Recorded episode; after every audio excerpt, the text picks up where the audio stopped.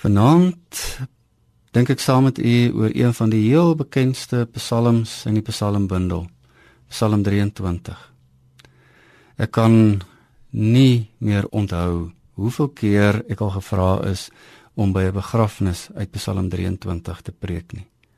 Ek onthou in die tyd van my diensplig op die grens as 'n jong dienspligkapelaan, as ek by 'n troep kom Ons het baie van hulle wat eintlik nie Bybel lees nie en bitter min van die Bybel weet, maar jy sou met hom oor Psalm 23 kom praat. Eerens het dit tuis gekom.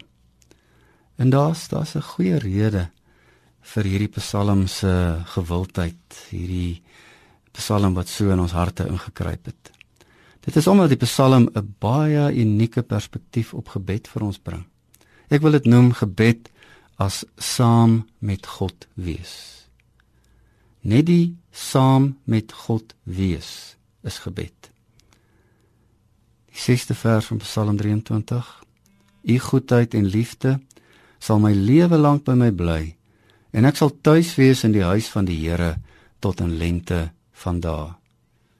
En onthou mos nou dat hierdie sinnetjie in die huis van die Here tuis wees beteken in ons taal om by die Here tuis te wees want huis van die Here was doodgewoon die plek waar sy teenwoordigheid ervaar is. So ons ons ons vers sê uh, ek is by die Here tuis. In Psalm 23 het ons gewoonlik die idee dat dit gaan oor die herder maar eintlik is daar twee prentjies van God in die Psalm. Daar is die herder wat eintlik koning is En dan die tweede beeld aan die einde van die Psalm is die tafel wat gedek is. En beide hierdie beelde, die een van die herder, die koningherder en die tafel, die gasheer, is albei beelde wat iets wil illustreer van God wat ons innooi by hom te wees en iets van sy teenwoordigheid te ervaar. En let daarop dat uh Psalm 23 se trefkrag lê daarin dat hy die wye spektrum van die lewe dek.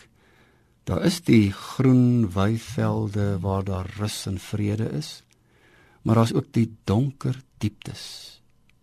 So Psalm 23 bring hierdie twee wêrelde van eh, groen weivelde en donker dieptes bymekaar. En dit sê van albei jy kan God se teenwoordigheid daarin ervaar. Om in die alledaagse gesloer of in die koue van akute angs bewus te word van God se handpalm op jou, dit is gebed.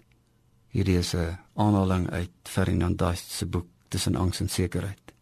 Om in die alledaagse bewus te wees van God se teenwoordigheid is gebed.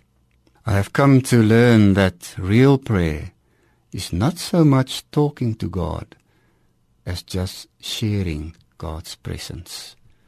'n Aanhaling van Malcolm Boyd. Ek weet nie waar jy vanaand is nie. Ek weet nie of jy in groen weivelde of donker dieptes is nie.